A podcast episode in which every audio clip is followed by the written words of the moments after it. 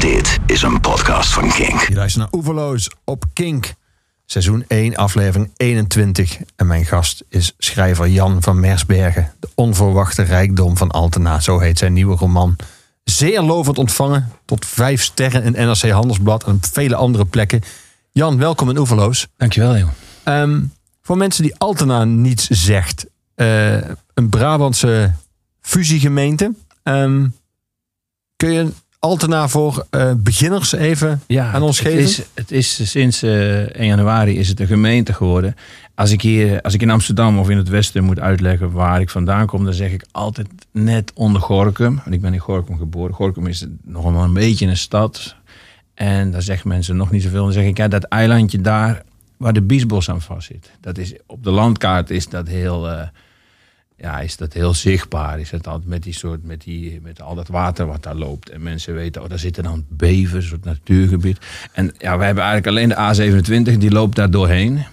En ze hadden, mijn idee is, ze hadden net zo goed geen afslagen hoeven kunnen maken daar. Het is wel handig dat ze mensen uit die dorpen de snelweg op kunnen om weg te komen. Maar mensen die van Utrecht naar Breda rijden, die stoppen daar niet. Er is daar ook, ook niks. Er is geen, ja, op zondag is het, zijn de cafés dicht. Er is geen camping, er is geen hotel, er is geen toerisme. Biesbos dan een beetje. Komt soms op het jeugdjournaal. Dan is een soort van ja, natuurgebied. Maar dat is een soort heel onontgonnen, heel raar eiland. Die, die brug naar Gorkum, die ligt, die was laatst kapot. Er was iets met beton of zo, of met het ijs, ik weet niet. Maar dat, die ligt er nog maar vanaf 61. En ik ben in 71 geboren, dus in mijn jeugd was die brug was net nieuw. En dat was een soort de verbinding met een beetje met de rest van het land. En dat was echt het gevoel daar. En als je nou op Vlieland zit of op Texel en in Zeeland, is er nog wel een soort trots en hebben ze een soort geschiedenis. Maar dat hele eiland, niemand kent het eigenlijk, dat eiland. En daarom wou ik ook graag die naam eh, Altena in, in, dit, in de titel hebben. Ja. Mensen kennen het, oudere mensen kennen het van het land van Heusden en Altena. want Die hebben ze vroeger bij topografie geleerd. Land van Maas en Waal, Bommelerwaard, land van Heusden en Altena. Maar dat Heusden, dat stoorde me altijd heel erg. Want Heusden is een soort heel netjes, een aangeharkte dorpje. Een vestingstadje, ziet er keurig uit. En dan is aan de andere kant van de rivier, dan is het het land van Heusden. Maar Heusden is gewoon, dat is het plaatsje. En het land, dat is Altena, dat is onze polder. En Heusden, en, en altijd, altijd een Komen zo een beetje achteraan komen we altijd een beetje achteraan. ge- ge- zo niksig. Ja. En het voelt ook heel niksig. En, eh, en ik wou graag met dit boek wel terug daar naartoe. Om een soort, om te kijken wat het nou is als je daar vandaan komt. Wat, doet, wat, wat, wat maakt dat nou? Want het dorpje opgroeide, dat was Almkerk, ja, toch? Almkerk, ja. Ja. Heb je daar warme herinneringen aan? Ja, zeker wel. Ik heb een hele goede jeugd daar gehad. En ook, ook in, het, in het boek speelt de zandafgraving een belangrijke rol... waar in de jaren tachtig altijd gezwommen werd. En in die tijd kwam het surfen op. Dan zag je opeens allemaal mensen met een surfkar achter de fiets. En er was, was best een grote plas water... waar de, het zand, wat ze eruit gehaald hebben... daar hebben ze die, die snelweg mee aangelegd. Dus het is op een gegeven moment is daar iets bijgekomen. En in de rivieren kon je eigenlijk niet echt zwemmen. Dus je had, je had zo'n plek nodig waar je heen kon... en waar geen... eh, er was, er was geen, je ouders kwamen er niet. Er, kwam, er was geen toezicht, er was geen politie, er was geen beheerder, er was geen. eh, je kon daar helemaal, eh, als jongere kon je helemaal jezelf zijn daar. Dat was fantastisch. Je kon een vuurtje stoken, je kon een biertje drinken. En je wist dat iedereen daar was, want er was niks anders. Dus dat was het gekke plek. Ja. Die speelt een, cruciaal, eh, cruciale rol in jouw roman. Want zo- zo'n plek zoals deze bijvoorbeeld, zo'n afgraving, daar, komt een meertje, daar kan gezwommen worden, daar kan allerlei eh, waterrecreatie plaatsvinden. Ehm, in jouw roman wordt dat, eh, wordt daar moment, staat daar opeens van de ene dag op de andere een anderhalve meter hoog hek. En wordt dat soort van ontrokken aan de dorpsgemeenschap. En degene die dat gedaan heeft, die uiteindelijk eh, in jouw boek overleden is, die wordt dat buitengewoon kwalijk genomen door. die, eh, wordt echt wel, eh, sorry, die wordt echt wel gehaat ja, in het dorp. Ja. Die pakt de mensen gewoon, eh, de jongeren. hij pakt de jongeren hun jeugd wel af. Dus ja, mijn hoofdpersoon Frankie, die, de, de man van de verteller Marlies, die is daar nog steeds niet, niet blij mee. Nee. Nee.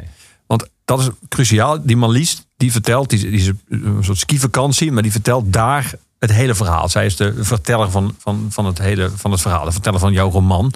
En zij is ongelooflijk fan van Sade. Ja, dat is de muziek van haar jeugd. We zijn nu natuurlijk 30 jaar verder. En, en ik, eh, ja, Frankie vertelde eerst het verhaal. En die, die was in de eerste versie was hij de verteller. goede vriend van mij uit het dorp is een hovenier. En eh, ik heb ons verhaal eigenlijk in dit boek gepakt. Dus een van die twee jongens gaat naar Amsterdam om te gaan eh, schrijven. Dat is nou in deze in de, De dochter geworden, Evelien. Is dat de dochter van de man die die, die, die zandafgraving heeft opgekocht. Die is in Amsterdam gaan schrijven. Het lijkt erg op mijn verhaal. Marlies is achtergebleven in het eh, dorp. Lijkt erg op zijn verhaal. Dus eigenlijk is het een beetje onze vriendschap die een roman geworden is. Ik heb er wel vrouwen, twee vrouwen van moeten maken. Omdat het als twee jongens vanuit de jeugd elkaar goed kennen. elkaar een tijd niet gezien. Komen elkaar weer tegen. Dat is het meteen. Kijken elkaar even aan. Even aanvoelen wat, wat gebeurt. En is het weer goed. En dan, dat is voor een roman te weinig. Dat is bij vrouwen anders. Volgens mij wel. Deze, die vrouw die ik heb, ze hebben de, de Evelien die weggegaan is, heeft ook eerst nog een relatie met Frankie gehad. Die is nu bij Marlies.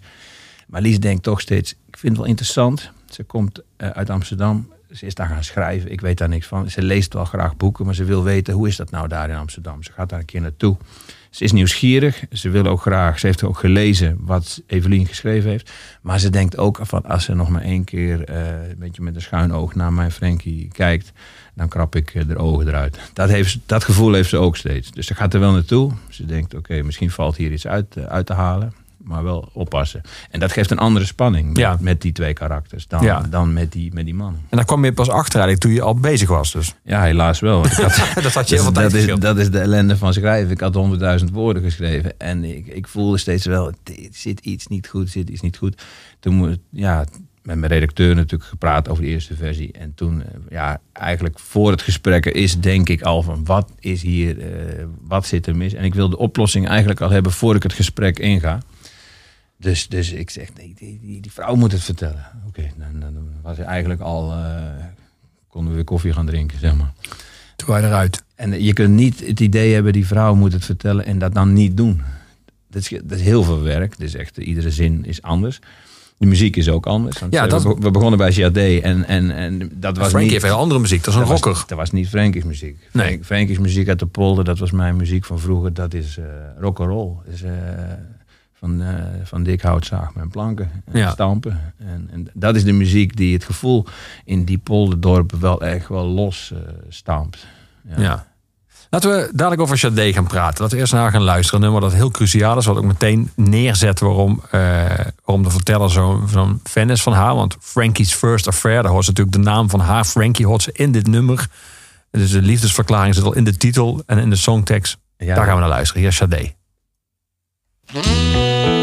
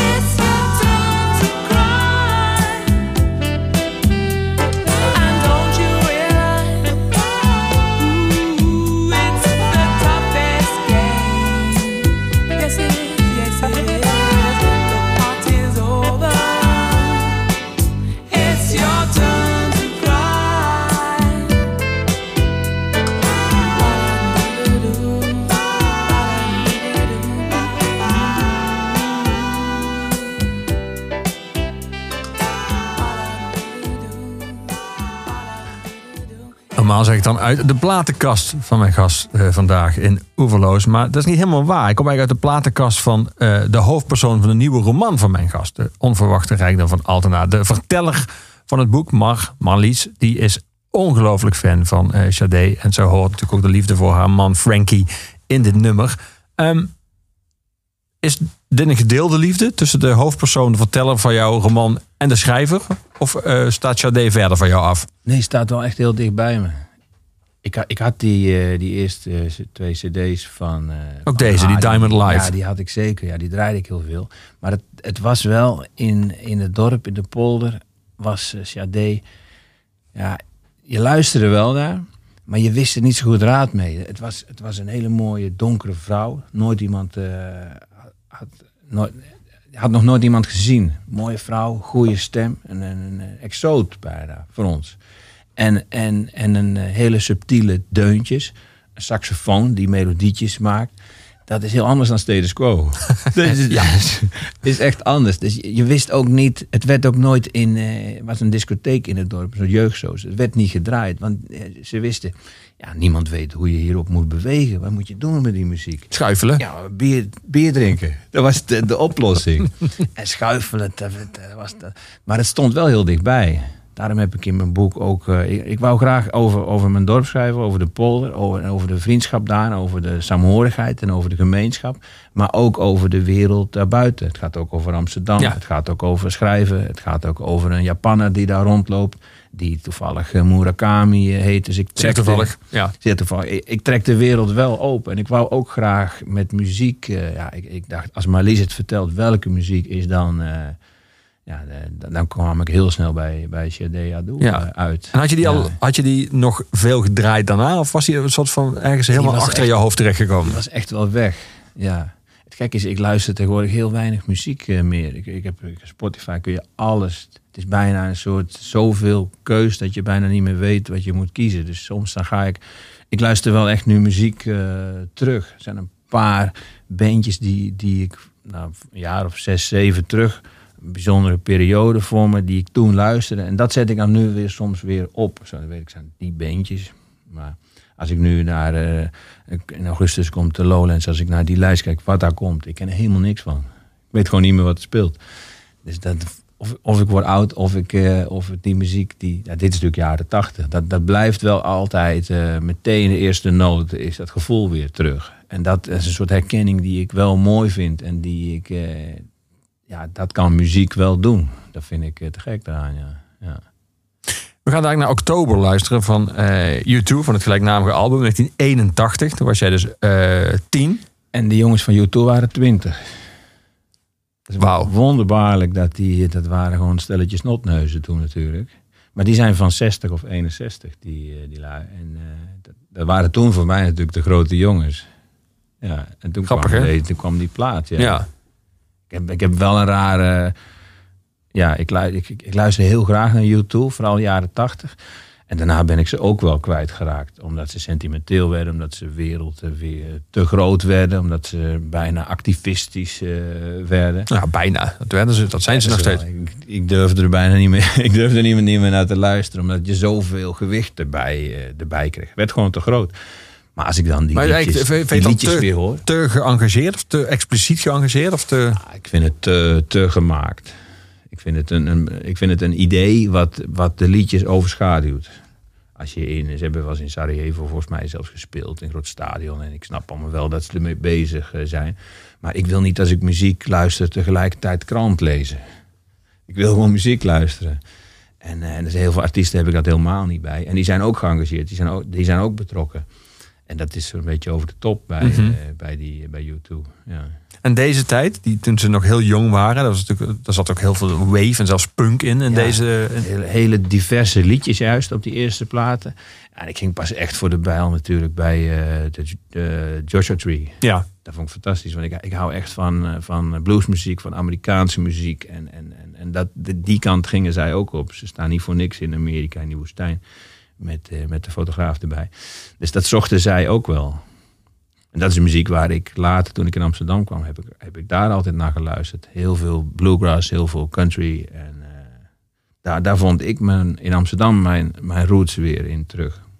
Maar dit, dit, dit- die tijd van, van waar we nu naar gaan luisteren, oktober, dat broeierige en dat ook dat opstandige wat ze toen ook al hadden, dat punky-achtige, was dat. eh, hing jij daar ook naar? had jij daar een soort hang naar ook, omdat je.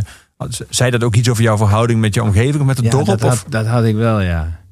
Ik, ik, eh, ja, ik, ik, ik zat in Gorkum op school. Ik deed VWO en ik, was, ik zat later bij een eh, een toneelgroep op school. We maakten cabaretvoorstellingen en ik wou wel graag dingen, dat soort dingen maken. En dat was in het dorp allemaal veel minder.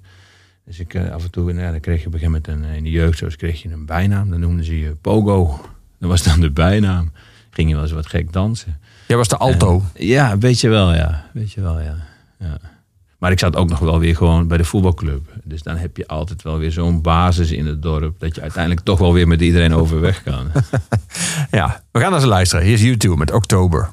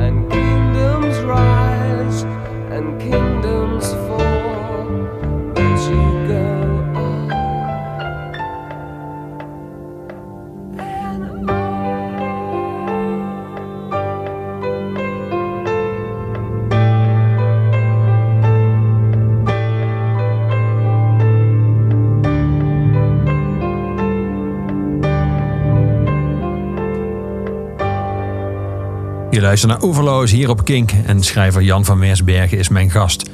Ehm, Jan, je vertelde het zojuist al. ehm, toen we het over de onverwachte rijkdom van Altena hadden. Jouw eh, nieuwe roman. Die speelt zich af in, eh, in, in Brabant, in Altena. En dat is een kleine gemeenschap. Ehm, maar er komt ook veel van buiten die gemeenschap. Het boek binnen en het leven van die mensen binnen. De Randstad bijvoorbeeld Amsterdam. Maar ook die mysterieuze Japanse meneer die daar door het dorp heen wandelt. En wijze dingen zegt als... That is not the opposite of life, but a part of it. Hoe kwam die in eerste instantie in je hoofd terecht voordat hij het boek inkwam?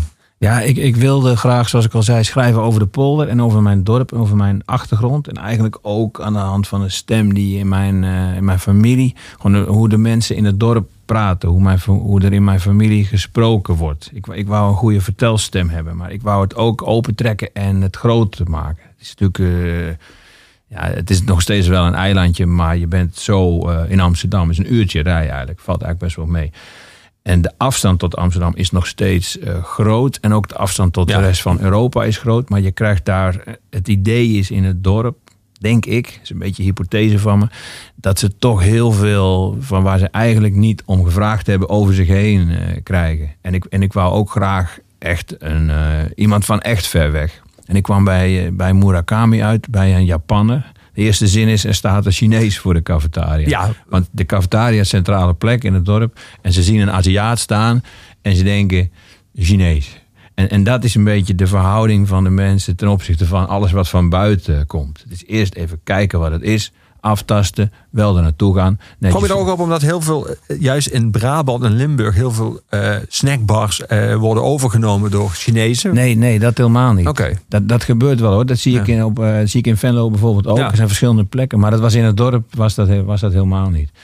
Nee, Nee, nee, en ik dat wou, is en ik wou ook, gewerkt nog. Dat levert vaak hele rare gerechten op. Ik zag in Horst ooit een frietje Fuyang Hai. Kon je daar bestellen. oh, met, met rode saus met ei. Ja, Oh, dat snap ik wel. ja. maar goed, die Ja, mysterieuze bezoeker. Die Nou, en, en, en ik vind de, het, het verschil in cultuur vind ik bijzonder. Er staan nu in de top 60 staan wel drie of vier boeken met eh, ja, Japanse wijsheden. Ja. Een boek eh, met Japanse visie op hoe je oud moet worden, hoe je gezond moet leven. En, en, ik vraag me altijd af, zijn er nou in Japan ook boeken met Brabantse wijsheden? Dat is er niet. Er zijn bepaalde culturen die, zijn, die worden door ons ook heel erg omarmd. Ja, Japan, een mystiek land. Ik geloof helemaal niks van dat de Japaner nou mystieker is dan een Brabander. Maar dat is toch altijd een beetje de, de verhouding en hoe het speelt. En ik vind het ook bijzonder dat er eh, ja, in, in Amsterdam zijn Ierse pubs, zijn er best wel veel.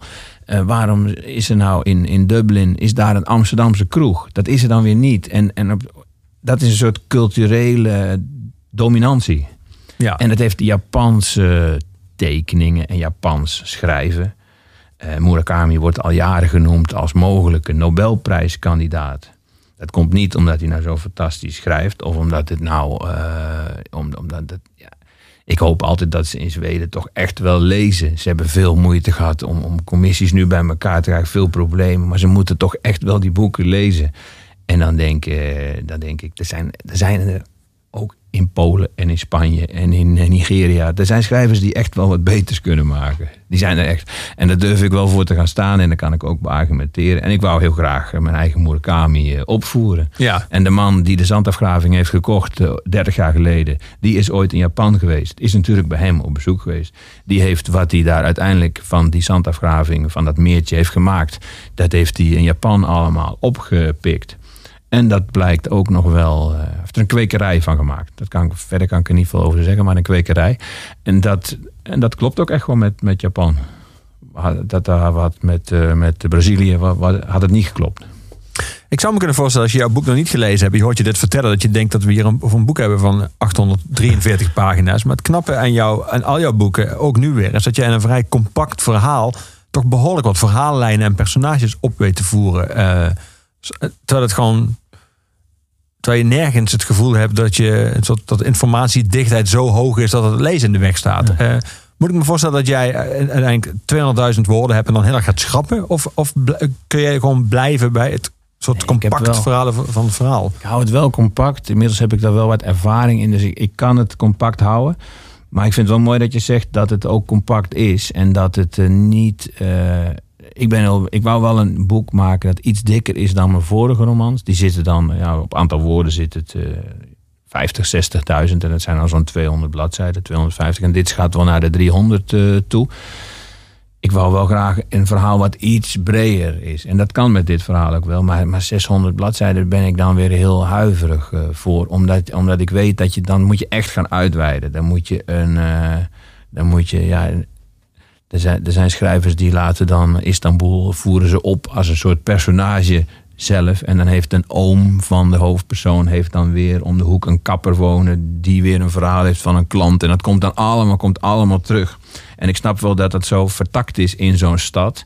Maar ik wil ook wel één rechte lijn een verhaal volgen. En er is er wel nog veel in geschrapt. Want ik zat op een gegeven moment op 100.000 woorden. En er zijn 80.000 overgebleven. Dus dan is het toch nog wel weer... Ja. Een vijfde is er wel weer uitgegaan. Van allemaal toch nog zinnetjes en alinea's die, die waren echt overbodig. En heb ik... Ja, mijn redacteur is daar streng in. En, en ik, ik ga daar toch wel in mee. Ik zie wel wat hij... Hij houdt daar ook van. Hij wil het ook... Dit verhaal wil hij volgen. En hij wil niet afgeleid worden. Hij wil ook naar het einde toe. Hij wil een plotgedreven verhaal. En dat was ook mijn opzet met dit boek. En eh, ja, ik ben daar wel blij om dat je ook zegt van... eh, Het is, er staat weinig te veel in. Niets. Nou, er zitten wat Japanse, ik heb wat Japanse verhalen. Want mijn, Ja, maar dat is de, heel de man tof. die, de man die overleden is, Roshat, die was in eh, Japan. En die, ja, die heeft in boek- een, in boekje een, nagelaten. ja, in een zwart, eh, in een zwart opschrijfboekje heeft hij wat verhalen en wat spreuken genoteerd die hij daar tegenkwam. Ik heb die natuurlijk zelf allemaal opgezocht, maar ik heb die meneer in mijn boek het laten meenemen uit, uit Japan. En die verhalen wilde ik ook wel graag vertellen. En ik ben ook wel bang geweest dat de redacteur dan zegt, ja, die verhalen. Maar daar snapt hij wel de functie van. gelukkig. Dus dat, dat blijft er allemaal in. Ja. We gaan dadelijk verder praten. We gaan nu twee weken terug in de tijd. Toen eh, was Pinkpop en toen was het keihard aan het regenen. En iedereen was doorweekt en de stemming sloeg langzamerhand richting nul. En toen stond deze band op het podium en werd iedereen weer warm. Ik heb het over de Dropkick Murphys. Die die dag op Pinkpop aankondigde dat ze 1 februari hun grootste Nederlandse show ooit gaan doen in de Ziggo Dome met Frank Turner als voorprogramma. Hier is het nummer dat het hele Pinkpopveld doorweekt en wel meezong. Hier is Rose Tattoo.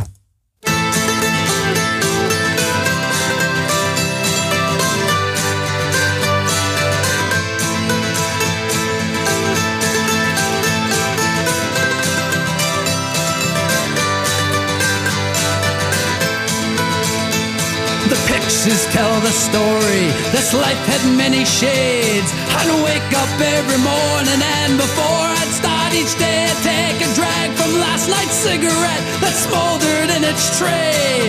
Down a little something, then be on my way. I traveled far and wide and laid this head in compass. I saw beauty to the north. I drew the tales of many lives and wore the faces of my own. I had these memories all around me so I wouldn't be alone. Some may be from showing up, others are from growing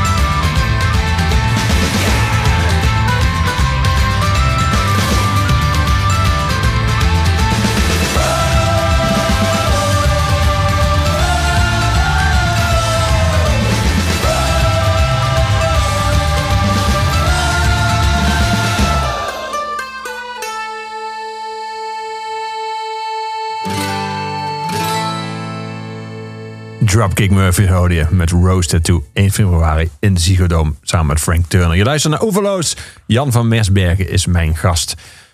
Jan, wie is Frederik Baas? Dat is een thriller schrijver. Ja. Ik ben, uh, ik ben, ben ik zelf natuurlijk. Ik ben thrillers erbij gaan schrijven omdat ik dat heel erg een, heel leuk genre vind. Spannende boeken. Een, een boek wat niet zozeer om de diepgang of om de personages gaat of om het onderliggende lagen van het verhaal, maar alleen maar een plot. Een, een, hoe zit het in elkaar? Meisje vermist, eh, waar zit ze? Vind ik leuk. En vooral, wie heeft het gedaan? En wie heeft het gedaan? En, en, en die, die verteller is die wel helemaal betrouwbaar. En in, eh, in mijn tweede thriller is er een jongen die moet een, pakje, een pakketje weg gaan brengen. En hij weet niet wat erin zit. En eh, ja, klein, kleine puzzeltjes zijn het eigenlijk. Ja, En ik had op een gegeven moment acht romans geschreven. En ik schreef wel veel op mijn website over thrillers. En, en eh, ik ben heel kritisch, want ik vind ze vaak veel te expliciet geschreven. En een beetje eh, slappe stijl. En als je daar iets over zegt, dan, dan krijg je daar wel weer kritiek op. Want daar mag je niks over zeggen. Of daar moet je voorzichtig mee zijn. En ik heb zoiets van, ja, maar een thriller, sommige thrillers zijn ook heel goed. Als ik eh, Silence of the Lambs lees, echt heel goed. En het is ook heel suggestief en heel ook een soort uitgebeend. Wordt weinig verteld. Als die Hannibal Lecter, als die ontsnapt uit de gevangenis, hebben ze twee politiemannen zijn er en daar wordt niks over gezegd. In de film is het allemaal wel van heel heftig, ja, kannibaal. Denk je, oké, spannend. Maar in dat boek staat er alleen maar van, ja, die twee politiemannen, we konden van die ene, konden we zijn rechteroog nog redden.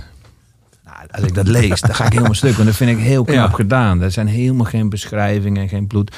En ik denk dat een thriller over een, een moeder die voor haar zoontje wil, een leuke vakantie wil verzorgen. Wat voor heel veel mensen al heel veel spanning geeft. Dat is een spanning die ik interessant vind. En daar wil ik in een verhaal ja, kijken of dat ook echt spannend kan zijn. Of, Ja. of dat lukt. ik vroeg dan naar, ik vroeg naar die thrillers en naar Frederik Baas. Je hebt pseudoniem onder welke naam je die thrillers schrijft. Omdat eh in thrillers de plot heel belangrijk is. Maar dat is in jouw roman meer dan in sommige van je andere romans ook heel erg het geval. Maar nu noem je zelf eigenlijk nog twee andere kenmerken van eh, thrillers die nu ook een belangrijke rol spelen. Namelijk de vraag hoe betrouwbaar de verteller is eh, in dit geval. Ehm, en dat puzzel-element wat vrij expliciet een rol speelt eh, in het cryptogramma dan in het geval van de verteller. Ja. Ehm, dus is de conclusie rechtvaardig dat jouw zijstap om ook thrillers te gaan schrijven ook je andere literaire werk heeft beïnvloed? Ja, ik inmiddels? denk dat het wel, dat het wel mengt. In deze, in deze roman over Altena is toch de eerste helft van het boek... is het echt wel zoeken van wat heeft die oude man daar... bij die zandafgraving uitgevreden. Wat, Ja. wat, wat zit er in die put? Ja, En als ze dat eruit gevist hebben, dan, dan begint wel echt het romanaspect van hoe, wat gaan we ermee doen? En die, die worsteling is in een roman heel goed uit te werken. Bijna een soort gewetensvroeging van, eh, van een gezin dat echt de kans krijgt om, om een grote klappen te maken. Om zeg Ja. maar de loterij te winnen. want in dit En- geval even, dat is goed om, belangrijk om te vermelden. De spanning, de morele spanning zit erin dat in dit gez- eh, geval, dit gezin, de, het, het gezin van de hoofd, van de verteller en Frankie, haar man, eh, die hebben een zoon die gehandicapt is, die op krukken loopt, die, eh, waar ze ook best wel geld voor nodig hebben. Dus de vraag of je dat geld gebruikt voor jezelf of voor de gemeenschap, dat is een morele vraag die boven de, in ieder geval de tweede Ja. helft van het boek hangt. Er zijn een paar dingen belangrijk. Ze, ze weten dat de zorgverzekering het, eh, tegenwoordig niet meer dekt. De operatie in Duitsland kan het wel, is veel geld voor nodig. Dus eh, ze ruiken een kans, ook voor zichzelf. En ze, ze, ze, ze voelen ook een soort schaamte wel. En dat is ook een. Dus, ik ken die situatie niet zelf, maar ik ken wel vanuit het dorp eh, het gevoel dat je weinig, in eerste instantie weinig vraagt voor jezelf. Dat je Ja. meer naar anderen kijkt en dat je. Je weet in het dorp dat als je direct voor jezelf kiest. Eh, in Amsterdam is het anders. Als mensen een gehandicapt kindje hebben, dan wordt er meteen een crowdfundingsactie opgezet. Dan wordt iedereen erbij gesleept. Dan wordt AT5 gebeld. En dan ze krijgen het voor elkaar om het, om het op te lossen. En dat is in een dorp is dat anders. Want er is altijd een soort terughoudendheid van nou, als wij dat voor onszelf gaan oplossen, dan, dan kan iedereen kan wel dan iets gaan oplossen. Maar dat, dat gaat dan niet lukken. Dus je hebt altijd mensen die dan die net eh, buiten, buiten boot vallen. Ja, en ja. in het dorp is dat het gevoel wat overheerst. Van het zal wel niet voor ons zijn. Laten we eerst maar iemand anders. Oh, die, die, die moeder van die, die kan ook nog wel wat gebruiken. Dus we gaan daar eerst maar helpen. Ja, En dan zien we wel wat voor onszelf is. Dus Marlies die komt op een gegeven moment in die strijd terecht. Van als we dit allemaal voor onszelf pakken, dan moeten we ook zorgen dat we de rest van het dorp nou, niet zozeer meekrijgen, maar die moeten ook, die moeten ook iets hebben. En Ja. Dat, dat is de strijd waar zij mee zit. Maar zeg je nou met zoveel woorden wat je zojuist uitlegde, hoe dat eh, in, in deze roman werkt. Dat bij een thriller eigenlijk zou het boek halverwege zijn ongeveer zijn opgehouden. Dan is het duidelijk wat er op de bodem ligt van het meer. En dan is daarmee dat dan het plot. Ja, Ja, ja en, en dan moet er in een thriller nog wel een andere spanning eh, in zitten natuurlijk. Van, eh, ja, dan, dan, dan is het niet zozeer een rijkdom die opgevist wordt. Maar ja, dan, dan moet er iets... eh, het hoeft geen moord of bloed te zijn, zeg ik altijd. Maar het, maar het mag maar wel... figuurlijk een lijk uit de kast. Ja. Ja, zoiets. Ja. zoiets. Dan wordt Ja. het, dat, ja, thrillers die, die, die leunen toch wel echt daarop. Er zijn ook thrillerlezers die in mijn eerste twee thrillers die dat, die dat, wel, die dat lezen. En die zeggen dan van waar blijft het lijk, waar blijft de... Die zijn waarschijnlijk de Scandinavische thrillers gewend. Waar heel veel heftige dingen gebeuren. En waar ze ook heel veel achter elkaar aanrennen om elkaar te pakken te krijgen. Het is een soort, eh, soort eh, Da Vinci Code is ook Ja. een soort eh, estafette loop bijna. En ik vind dat heel goed gedaan. Die cliffhangers zijn echt fantastisch. Maar, maar ik leef niet echt mee met die, met die personages. Nee. Dat, dat, dat mis ik dan. En in een roman kan dat heel goed. En eh, dat kan in sommige thrillers ook. En dat, dat is de weg die ik met die thrillers eh, op wil. ja. En, en ik had destijds had ik, eh, acht romans geschreven. Dit is mijn negende. En ik heb alle hoofdpersonen van mijn romans van 1 tot 8. Die, de eerste letter van de, mijn debuut van de hoofdpersoon was een F, was Francis. De tweede letter een R. eh, Mijn tweede roman, Ronnie. En zo heb ik alle hoofdpersonen heb ik de naam Frederik laten vormen. Dus toen moest ik een pseudoniem hebben. Toen werd het Frederik Baas. En Baas heeft mijn dochter denkt ze verzonnen. Want ik fietste met haar naar school toen ik destijds nog mee moest fietsen met haar laatste jaartje. En toen, toen, vroeg ze naar, wat ben je allemaal aan het doen? Ik zeg, ik moet een achternaam hebben. Als we nou een busje zien rijden, want meestal is een glaszetter of stucadoorsbedrijf, staat er altijd op de bus. En er zijn altijd goede namen. Dat is altijd, dat klopt altijd. Toen kwam Auke Baas langs rijden. Ze, ze, haar school zit in de straat waar Auke Baas zit, in de Oh, pijp. wauw. En dat wist ik natuurlijk. Dus de kans was vrij groot dat we, dat we die tegen zouden komen. Maar zij heeft hem wel ontdekt. Ja, Ze ja. heeft hem wel gezien. Baas. Ik zei, oh, dan zet ik die op mijn boek. Dan was ze natuurlijk trots. Ja. Want een goede thriller-auteur is een duo. Dus in dit geval ook. Die zijn er wel veel, ja. Die Ja. zijn er veel. Dan zijn we, zijn we toch ook een beetje met mijn dochter, die morgen die, die, die jarig is. Dan, eh, dan zijn we toch een duo. Ja. We gaan muziek draaien. Muziek die eh, Frankie heel gaaf zou vinden. eh, muziek die jij waarschijnlijk ook gaaf vindt. We gaan naar Black Sabbath luisteren met Paranoid. Uit 1970. Toen was jij dan niet. Wij hadden in, eh, toen was ik er nog net niet geboren, maar we hadden in Gorkum, hadden, waar ik op de middelbare school zat, had je in de stad had je Kees de CD's. En er was een eerst een soort platenwinkeltje. Heel klein winkeltje, heel stoffig. Het zag eruit als een soort kringloopwinkeltje. Was een oude, man toen al. En, en die had allerlei muziek uit de jaren 60, jaren 70. En eh, die zegt, je moet dit luisteren, je moet dit, dit luisteren. Dus hij smeerde je gewoon van alles aan. Hij kwam niet aanzetten met, eh met. Hij kwam met Black Sabbath aanzetten. Ja. Yes, Paranoid. Bye.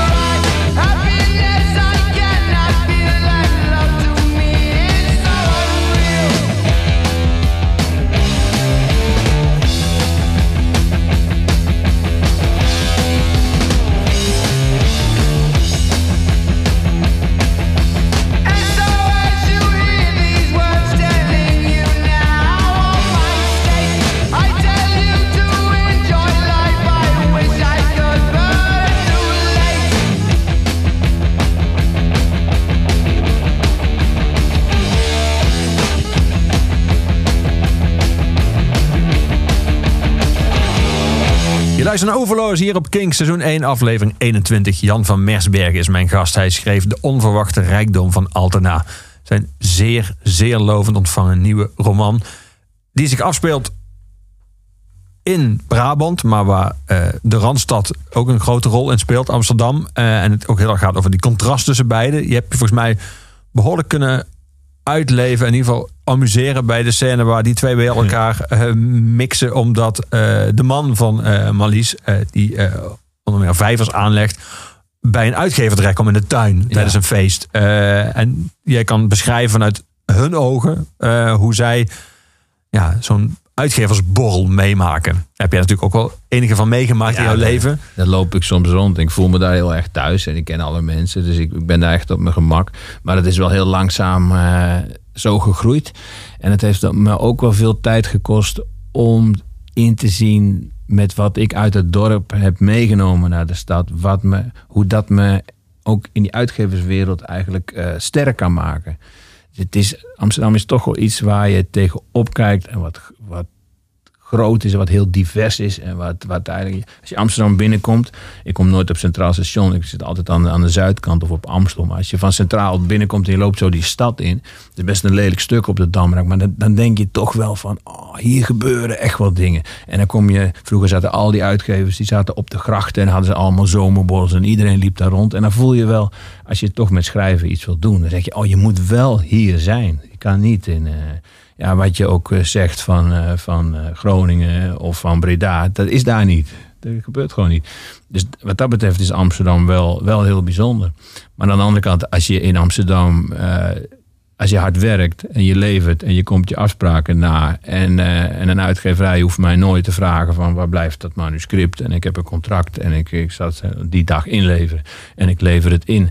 Dat is ook wel weer in Amsterdam heel bijzonder. Ze zijn gewend aan mensen die, eh, die, die, die her en der voorschotten hebben. Die van de uitgeverij naar de andere uitgeverij overstappen. Het voorschot is weg, dat zien ze nooit meer terug. Dat boek is er niet. Ze zitten in het café al vijf jaar lang te mokken van... ja, ik heb weer niet zoveel inspiratie gehad eh, deze week. En ze zijn toch nog steeds schrijven. En dat is iets wat je vanuit Brabant heel moeilijk eh, voor kan stellen. Ja. Voor mij is schrijven echt wel een werkwoord. Dat moet je doen, je moet een boek maken. En als het boek af is, ik denk nu natuurlijk al wel weer aan een volgend, aan een volgend boek. Dat is Ja. niet iets wat, wat met één boek stopt of wa- waardoor je helemaal binnen bent. Ik bouw dat wel heel secuur op, maar ik weet ook wel, ik moet het wel, ik moet het wel maken. En het is geen, is geen grote opgave. Het is ook mijn werk wat ik, wat ik iedere dag eh, doe. En er zijn heel veel mensen in Amsterdam die... Ja, als je met, eh, met mijn vriend de hovenier uit het dorp... als ik met hem in Amsterdam eh, zit op het terrasje... dan heeft hij net een, een rozenstruik eh, bij een, een, een huis... heeft hij een beetje opgebonden of gesnoeid. En dan belt hij op en dan zegt hij... ja, ik zit daar en daar bij het Rijksmuseum in de buurt. Even wat drinken. Goed. Ik stap op de fiets en we zitten daar. Wij kijken echt wel zo'n beetje om ons heen van... hoe kan iedereen hier op zo'n terras zitten? Want het is nog... Ja, vijf uur is het nog niet. Wat, wat doen die mensen hier Ja. de hele dag? Als je in, in een dorp komt op die tijd, dan is er niemand. Dan zie je wel af en toe zie je een huisvrouw fietsen die boodschappen gaat doen. Maar die is ook bezig voor haar gezin. Die zit niet op het terras. Die zit ook niet bij de buren in de tuin. Die, nee, er is een soort, een soort stilte. En dan s'avonds dan, dan komen de gezinnen, iedereen weer, weer bij elkaar. En dan begint het weer een beetje. En dan Ja. gaat iedereen weer naar bed. Dus het is een soort heel En voorspelbaar... dat leven wat jij zojuist beschrijft, dat is dan in het weekend. Dat is het weekend, ja. Dan staan mensen een auto te wassen. Ja. Maar heb jij, toen jij, toen jij beschreef vanuit haar ogen eh, hoe zij dan, eh, ehm, hoe zij het allebei eigenlijk naar zo'n zo'n zo'n borrel kijken, zit er dan iets in van hoe jij daar, toen je net in Amsterdam kwam, naar keek? Is dat zoals van de oude, weet ik het dan, de jonge Jan van Ja. Mersbergen, die ja, dat denk met, ik met wel. een Maar dat, Brabantse nuchterheid en arbeidsethos dan daar komt en Ik denk dat dat eerder nu weer, eh, dat dat eerder weer terug, terug veranderd is of zo. Ik wou ook natuurlijk heel graag in die wereld wel meedoen. En dat doe ik ook wel. En ik denk dat ik nu door dit boek te schrijven ben ik weer teruggegaan naar die waarden die in het dorp heel belangrijk eh, zijn. En die ergens in Amsterdam ook wel belangrijk zijn. Maar heel veel mensen weten dat niet of die willen het niet weten. En, eh, en, en ik, ik- voor mezelf komt dat wel dicht bij elkaar nu. Dat vind ik wel fijn. En ik heb natuurlijk ook me heel lang afgezet tegen het dorp. Want ik wist wel, ik moet, ik moet daar wel weg. Ik wil, Ja. iets, ik wil iets maken. Als ik een boek wil schrijven en ik zit in het dorp, dat gaat niet lukken. En dat, dat klopt ook wel. Je moet ook eerst wel afstand nemen. Je moet er wel een soort van uitstappen. Een logische volgende stap, als je die lijn doortrekt, zou een beweging zijn terug richting het dorp en je afzetten tegen Amsterdam. Dat zou dan een soort van. Ja, dat hoor ik wel veel, maar ik, ik zet me ook niet echt af tegen Amsterdam. Ik heb in Amsterdam weer mijn eigen dorp. Ik heb een paar kroegen waar ik graag eh, kom. Ik heb een voetbalclub waar ik op woensdagavond eh, heen kan gaan of op zaterdag een wedstrijd heb. En daar, een voetbalclub is heel belangrijk, want daar hoef je niet af te spreken. Amsterdam, als je mensen wil zien, dan moet je echt een afspraak maken. En dan moet je bijna een datumprikker eruit gooien. En dat, eh, dat vind ik soms wel vervelend. Ik wil gewoon een plek hebben waar ik weet, oh, op woensdag zit iedereen daar.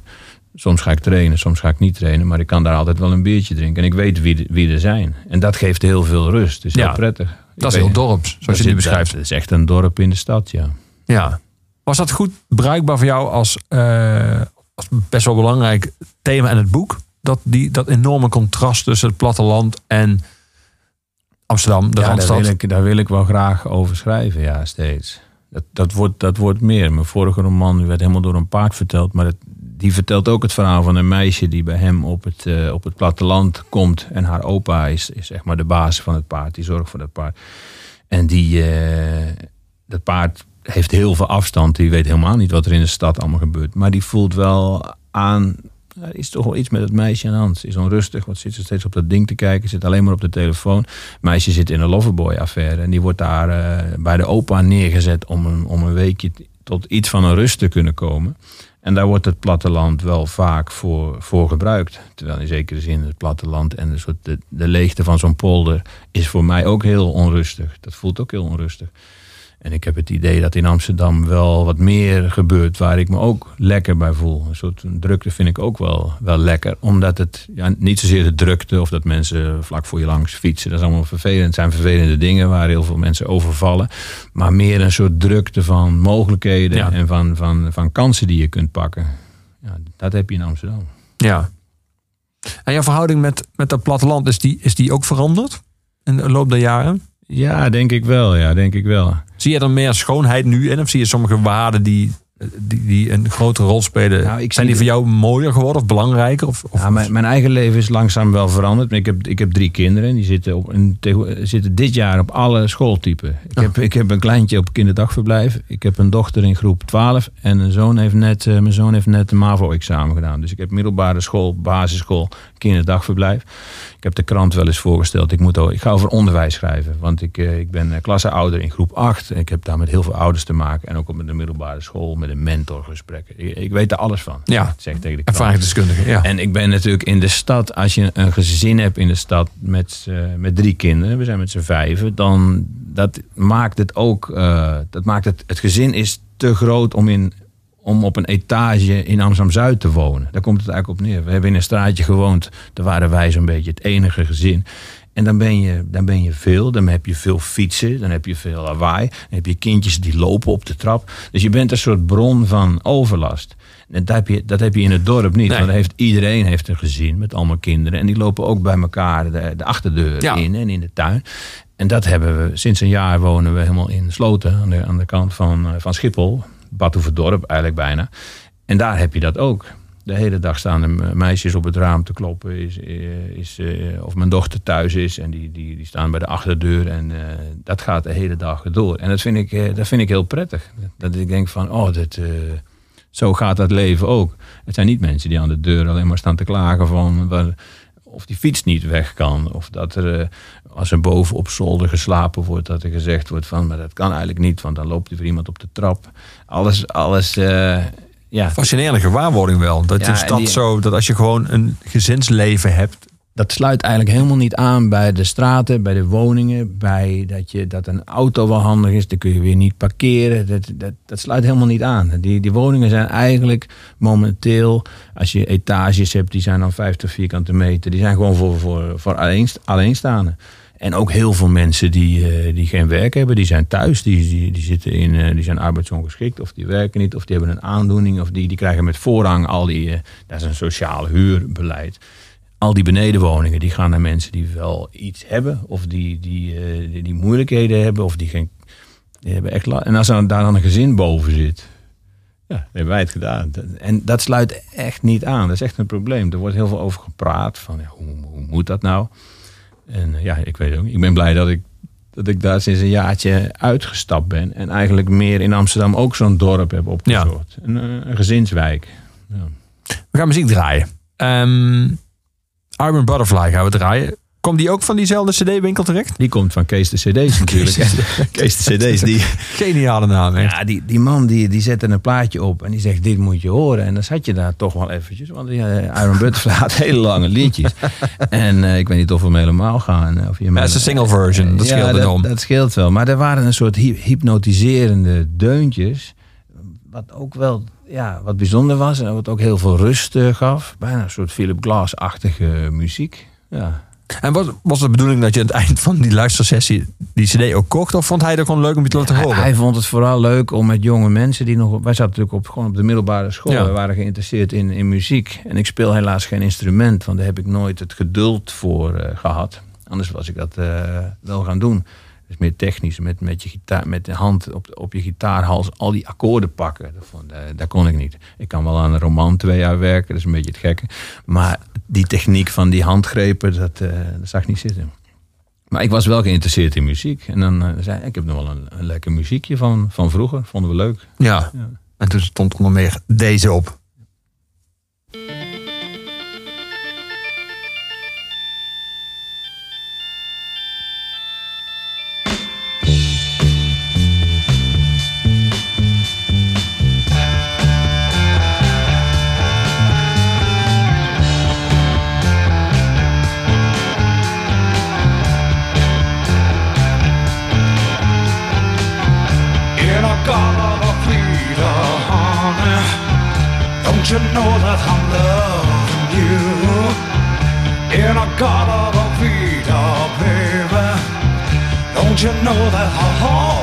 control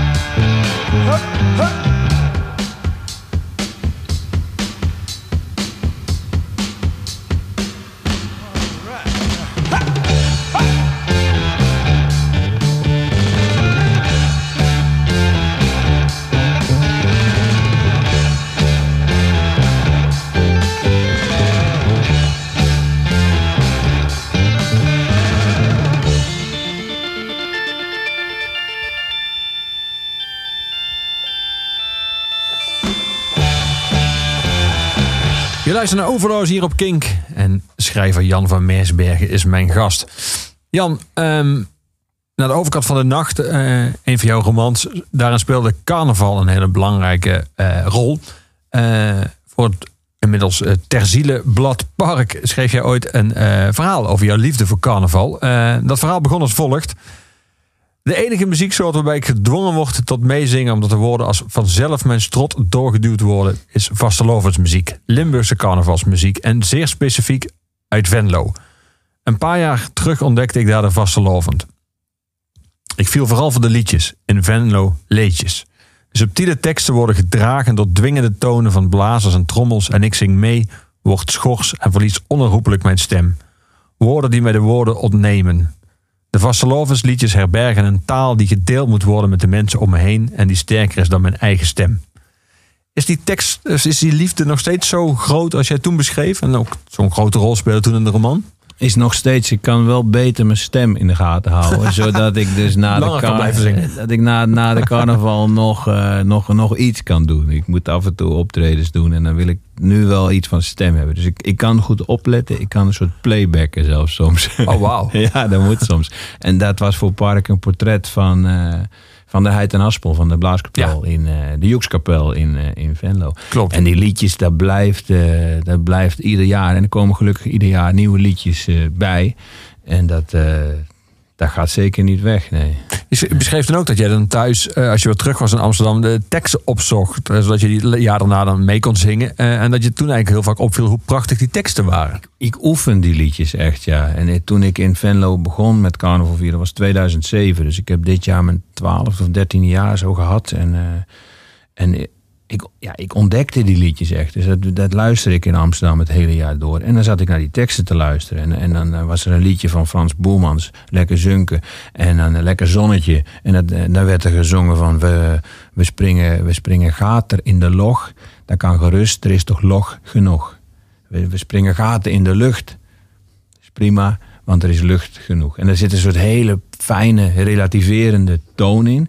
Wat heel vaak niet gelinkt wordt aan carnaval. Omdat als je in het Westen over carnaval hebt, dan denken ze vooral aan Brabants carnaval. En aan ranzigheid en aan schunnige teksten. En eh, Marietje van achter bij de schouders grijpen, dat soort dingen. En dat bestaat in Venlo niet. Er bestaat geen Polonaise. Als, als, er, als, er, muziek, als er Brabantse muziek in, in Venlo met carnaval in de kroeg gedraaid wordt, dan is in twee minuten het hele café leeg. Dus dat, doen, dat wordt niet gedraaid. Nee. Mensen laten een glas bier op de grond vallen en lopen naar buiten.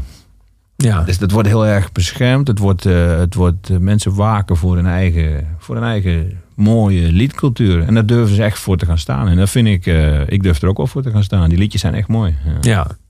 Je durft ervoor te gaan staan, maar is het uiteindelijk ook van jou? Of ben jij nog steeds daar en met carnaval een buitenstaander? Weliswaar een verliefde buitenstaander, maar een Ik buitenstaander. heb inmiddels wel een, een goede plek ook daar. En ik word wel herkend als schrijver. Mijn, mijn boek, eh, dat, heeft het daar heel goed gedaan. En ook landelijk. En dat was een combinatie die ik wel heel fijn vond. Dat het niet alleen in Venlo het lied is over de Venloze vastelavond. Want daar gaan mensen kijken, oh, zit ons feest wel goed in dit boek? En heb ik van tevoren gecheckt. Want ik heb een aantal mensen laten lezen.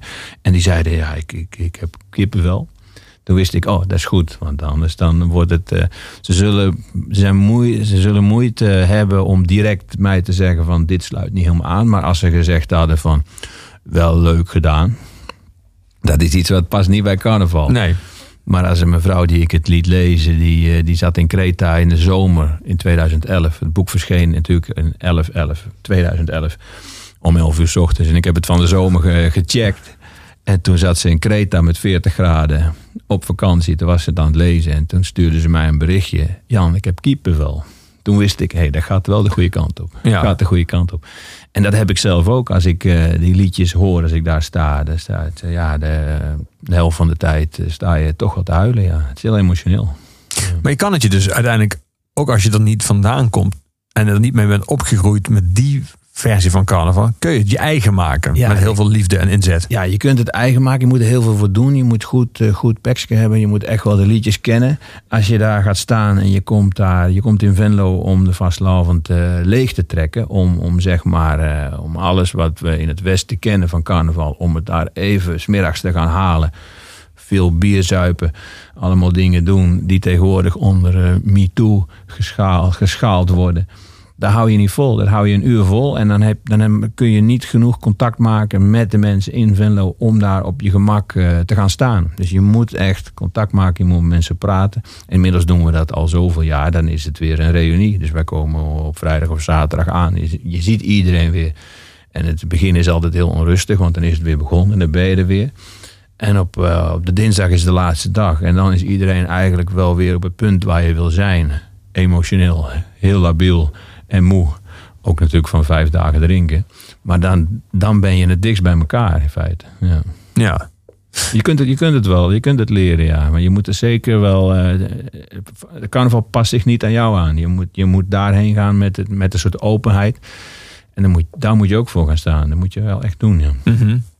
We gaan dadelijk eh, Status Quo draaien. Een uh, rockliefde voor jou. We gaan eerst nu luisteren naar een band die... Eigenlijk zou je kunnen zeggen voortborduurt op de erfenis van Status Quo.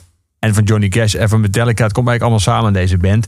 19 november staan ze in de Ziggo Dome met Barones en Denko Jones als voorprogramma. Ik heb het natuurlijk over Volbeat, hoog genoteerd in de Outlaw 41 met deze.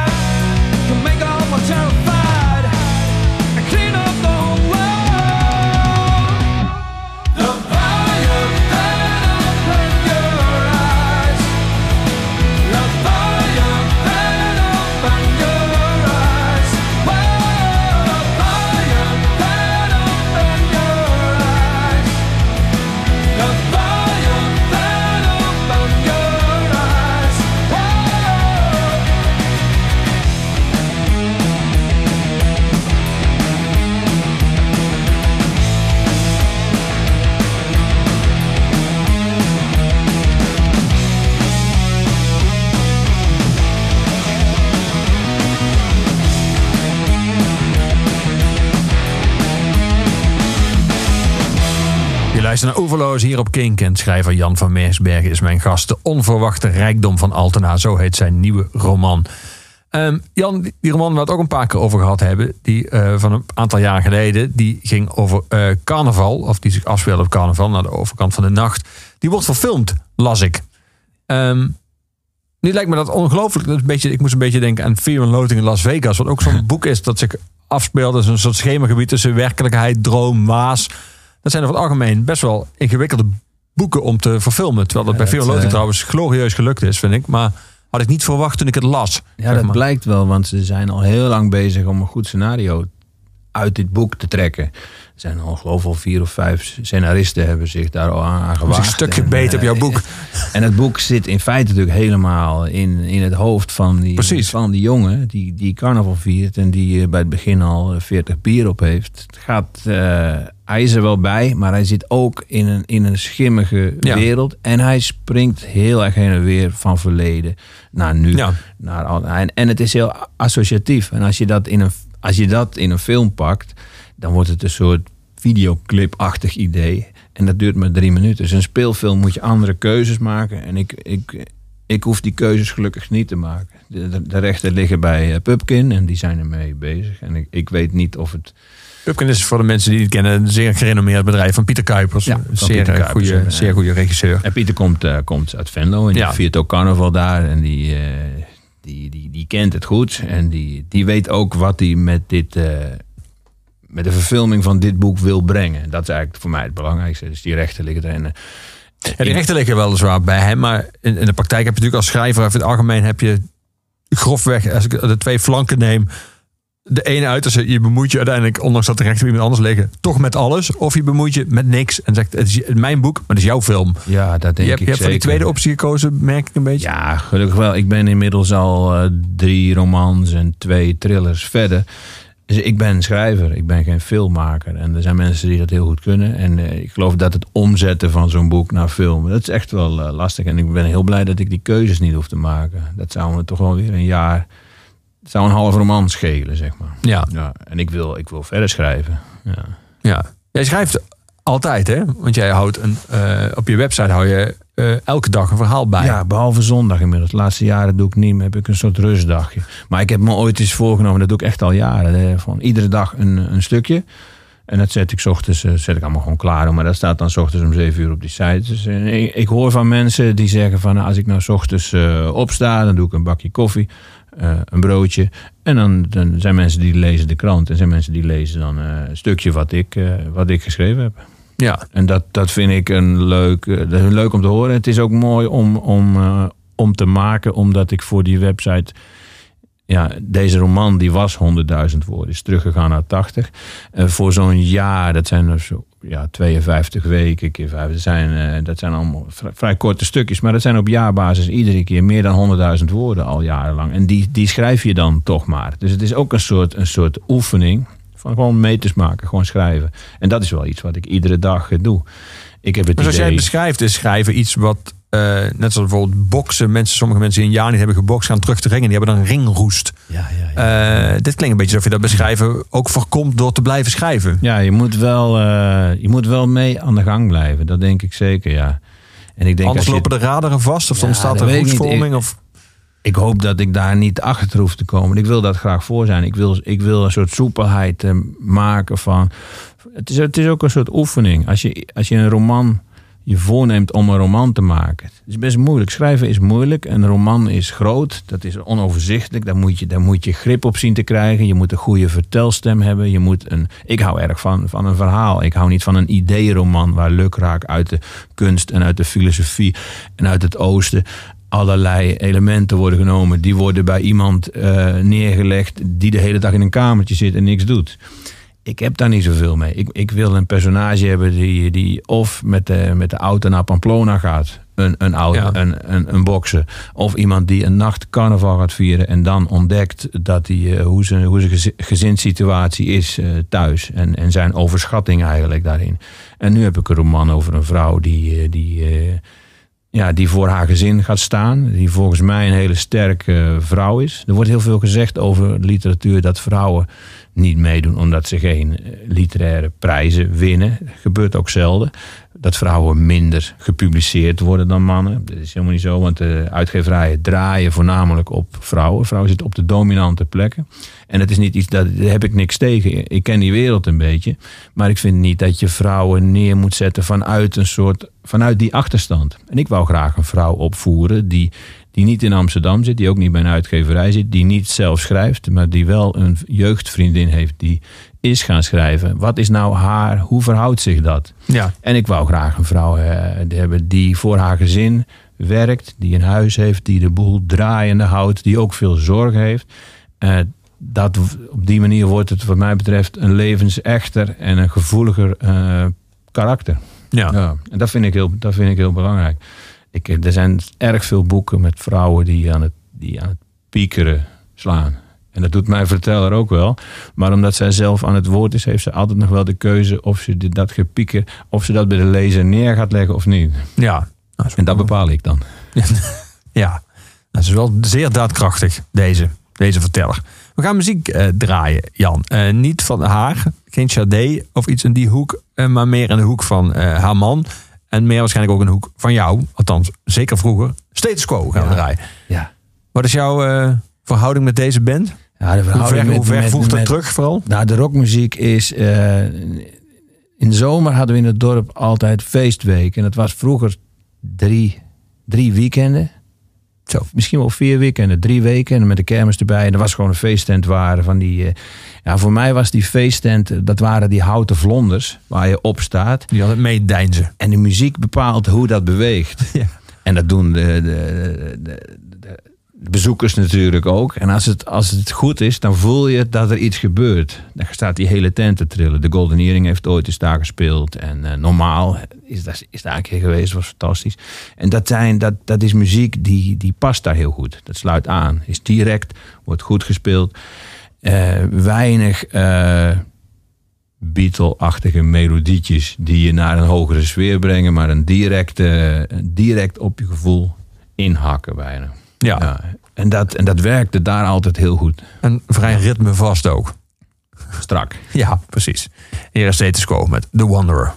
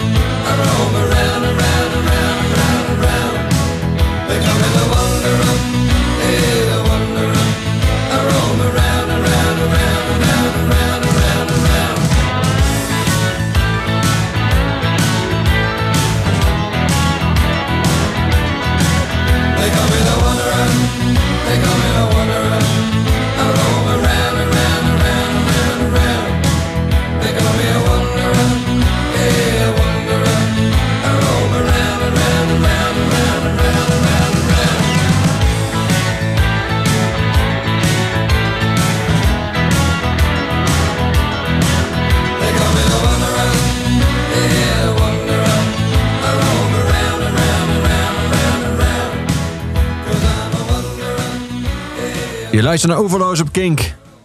En mijn gast is schrijver Jan van Mersbergen. Zijn nieuwe roman De onverwachte rijkdom van Altena. Jan, jij geeft ook eh, les in schrijven. Je geeft eh, cursussen twee keer per jaar van eh, enkele zes avonden achter elkaar, workshops. Ehm, kun je schrijven leren?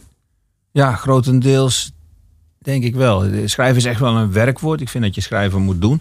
Maar ik denk dat je heel veel kunt leren over... eh, ja, een vriendin van me die, noem, die noemde mij ooit eens heel eh, bijna liefkozend eh, de, de perspectiefnatie. Ik ben erg liefkozend, ja. Ik ben erg gefocust op wie het verhaal vertelt en van waaruit het verteld wordt en wat er in het verleden is gebeurd en of er een vooruitzicht is in de toekomst. Sommige verhalen zijn gewoon heel prettig opgebouwd. Als je de klassiekers zijn allemaal goed opgebouwd. Als je Old Man and the Sea leest, dan weet je van oh, hij, hij moet gaan vissen. Laatste keer, dikke vis vangen. Het zal wel niet goed gaan, maar het is een goed verhaal. Het is goed verteld, afstandelijk verteld. Dat jongetje mag niet met die man mee, want eh, die heeft al 80 dagen geen vis gevangen. Die ouders zeggen, ga maar een andere baas, eh, visser, zoeken waar je voor moet werken. Dat zijn allemaal elementen die zijn heel goed te overzien. En je weet, er zit een voorspelbaarheid in. Het is mooi een verhaal als je weet, het gaat waarschijnlijk mis. En je hoopt toch steeds dat het, dat het goed gaat. Op- die manier leef je, leef je mee met die man. En dat vind ik interessante eh, materie. Ja. Voor schrijven, schrijven bestaat altijd uit, uit... Een goed verhaal bestaat uit die elementen. En of dat nou in de tegenwoordige tijd is, dat heeft weer nadelen, heeft weer voordelen. En, en dat probeer ik te onderzoeken met, met opdrachten. Dan laat ik mensen schrijven over een... eh, nou, stel je bent op het strand, er zijn twee personages. Er zijn een ouder- en een kindrelatie. Dan heb je altijd de, de, mensen die een gezin hebben, die schrijven dan vanuit een ouderrol over hun kinderen. En dan is het in, met het herschrijven, dat is eigenlijk, eigenlijk het belangrijkste. Je vertelt een verhaal. En wat, nou, wat gebeurt er nou als je dat kindje het verhaal laat vertellen? Die ziet andere dingen. Die meeuw is opeens veel groter voor een kind. Eh, de zee is anders. Ze ruiken anders. Ze hebben geen verantwoordelijkheid voor het gezin. Dus ze, ze kunnen, als ze weg willen lopen, lopen ze weg. En dan worden ze tegengehouden. Dat, dat voelt heel anders dan een ouder die probeert controle te houden. En die zegt, we gaan straks met z'n allen een broodje eten. Een beetje van dat soort slappe teksten. Dat zijn oudere teksten. Ja. Kinderen doen dat anders. Dus ik, ik, ik geef opdrachten en dan bespreek ik dat. En dan, ik, ja, ik hoop vaak dat de deelnemers zelf goed luisteren naar, naar de verhalen van anderen. En dat ze zeggen, oké, wat hier gebeurt, dat viel me op. En waarom doe je dit? Het liefst trek ik me terug en zeg ik alleen maar, wat vond jij ervan? En dan, dan moet er ook iets komen. Dus ik ben, ik ben geen, ik ben geen ne- Neerlandicus die zegt hoe het allemaal zit. Ik geef geen hoorcollege. Ik, eh, aan de hand van materiaal wat ter plekke gemaakt wordt, een specifieke opdracht, proberen we wat dingen van perspectief te ontdekken. ja. Dat is, dat is denk ik het belangrijkste. Maar je uitleg over die cursus, noem je het zelfs een cursus of niet? Ja, het zijn wel workshops. Ja, workshop. Ja. Haal jij eh, On Writing aan, beroemde Ja, boek van van- King. Ehm, waarin hij juist stelt dat hij weinig vertrouwen erin heeft, omdat zijn ervaring is dat kritiek geven op elkaars werk juist vaak eh, ontbreekt. Of in ieder geval te weinig gebeurt. Ja, dat, is- dat is wel belangrijk. Dat je, dat, dat je als je iets geschreven hebt, dat je kritiek eh, kunt aanvaarden. Dat je het kunt horen. Dat je je tekst nog eens een keer met die kritiek erbij in je achterhoofd eh, opnieuw kunt maken. Dat je erin kan schrappen. Maar ook dat je als je een tekst van iemand hoort, dat je zegt, nou ja, wat, wat ik belangrijk vind in een verhaal, dat ontbreekt er hier. En waarom zit dat er niet in? Of waarom, waarom maak je die keuze? Of waarom laat je iemand alleen maar vanuit het hoofd eh, nadenken? Wat is er aan de hand? Waarom, waarom heeft die persoon geen, die het vertelt, waarom heeft hij geen decor? Zit hij in een kamer of zit hij op de wc? Dat verschilt al heel erg voor de vertelling. Ook hoe hol het klinkt in feite. Maar dat, dat zijn voor mij belangrijke dingen. En als dat te verantwoorden is, als iemand vanuit een hoofd heel veel vertelt, dan kan het wel. Maar soms ben ik ook benieuwd naar wat er, wat er omheen is. Ja. En dat zijn, dat zijn gewoon gesprekken in feite, ja.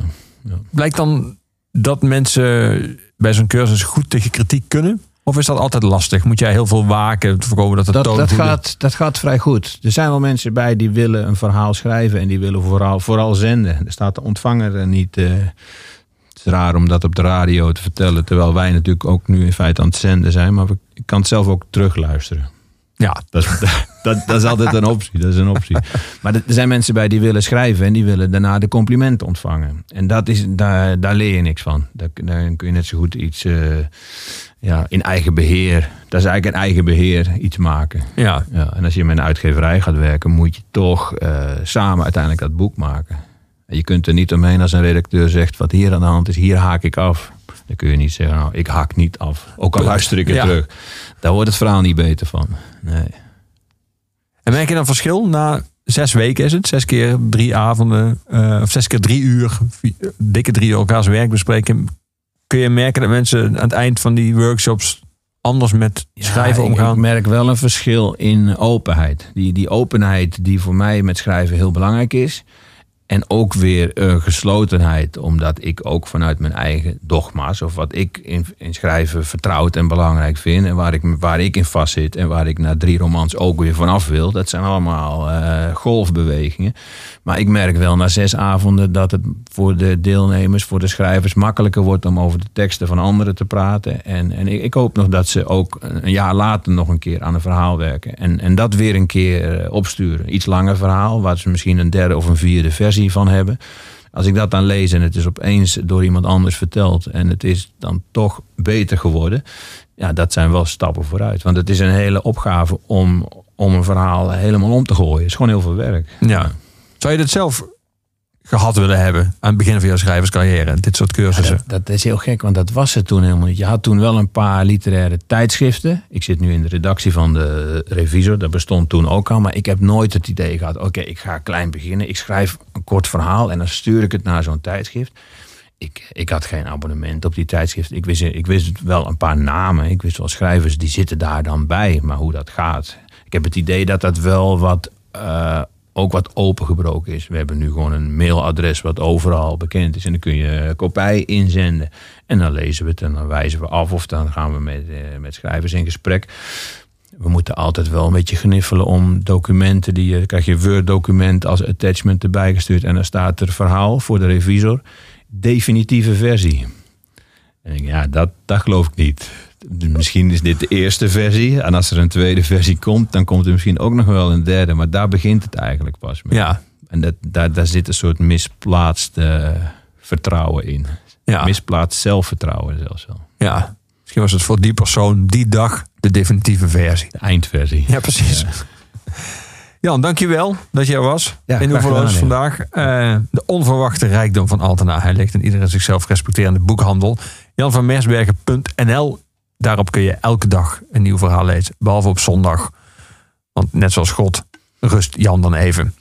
Ehm, dit was Oeverloos. Iedere zondag van 6 tot 8 hier op Kink. En daarna tot een eeuwigheid der tijden terug te luisteren als podcast. Volgende week striptekenaar Erik Kriek hier in Oeverloos. En we sluiten zoals iedere week af met onze eigen huisdichter, met Luc de Vos. En hem altijd het laatste woord. En dit is het nummer dat mij meest deed denken aan de verteller van eh, de roman van Jan. Dit is Ons karakter is van ijzer.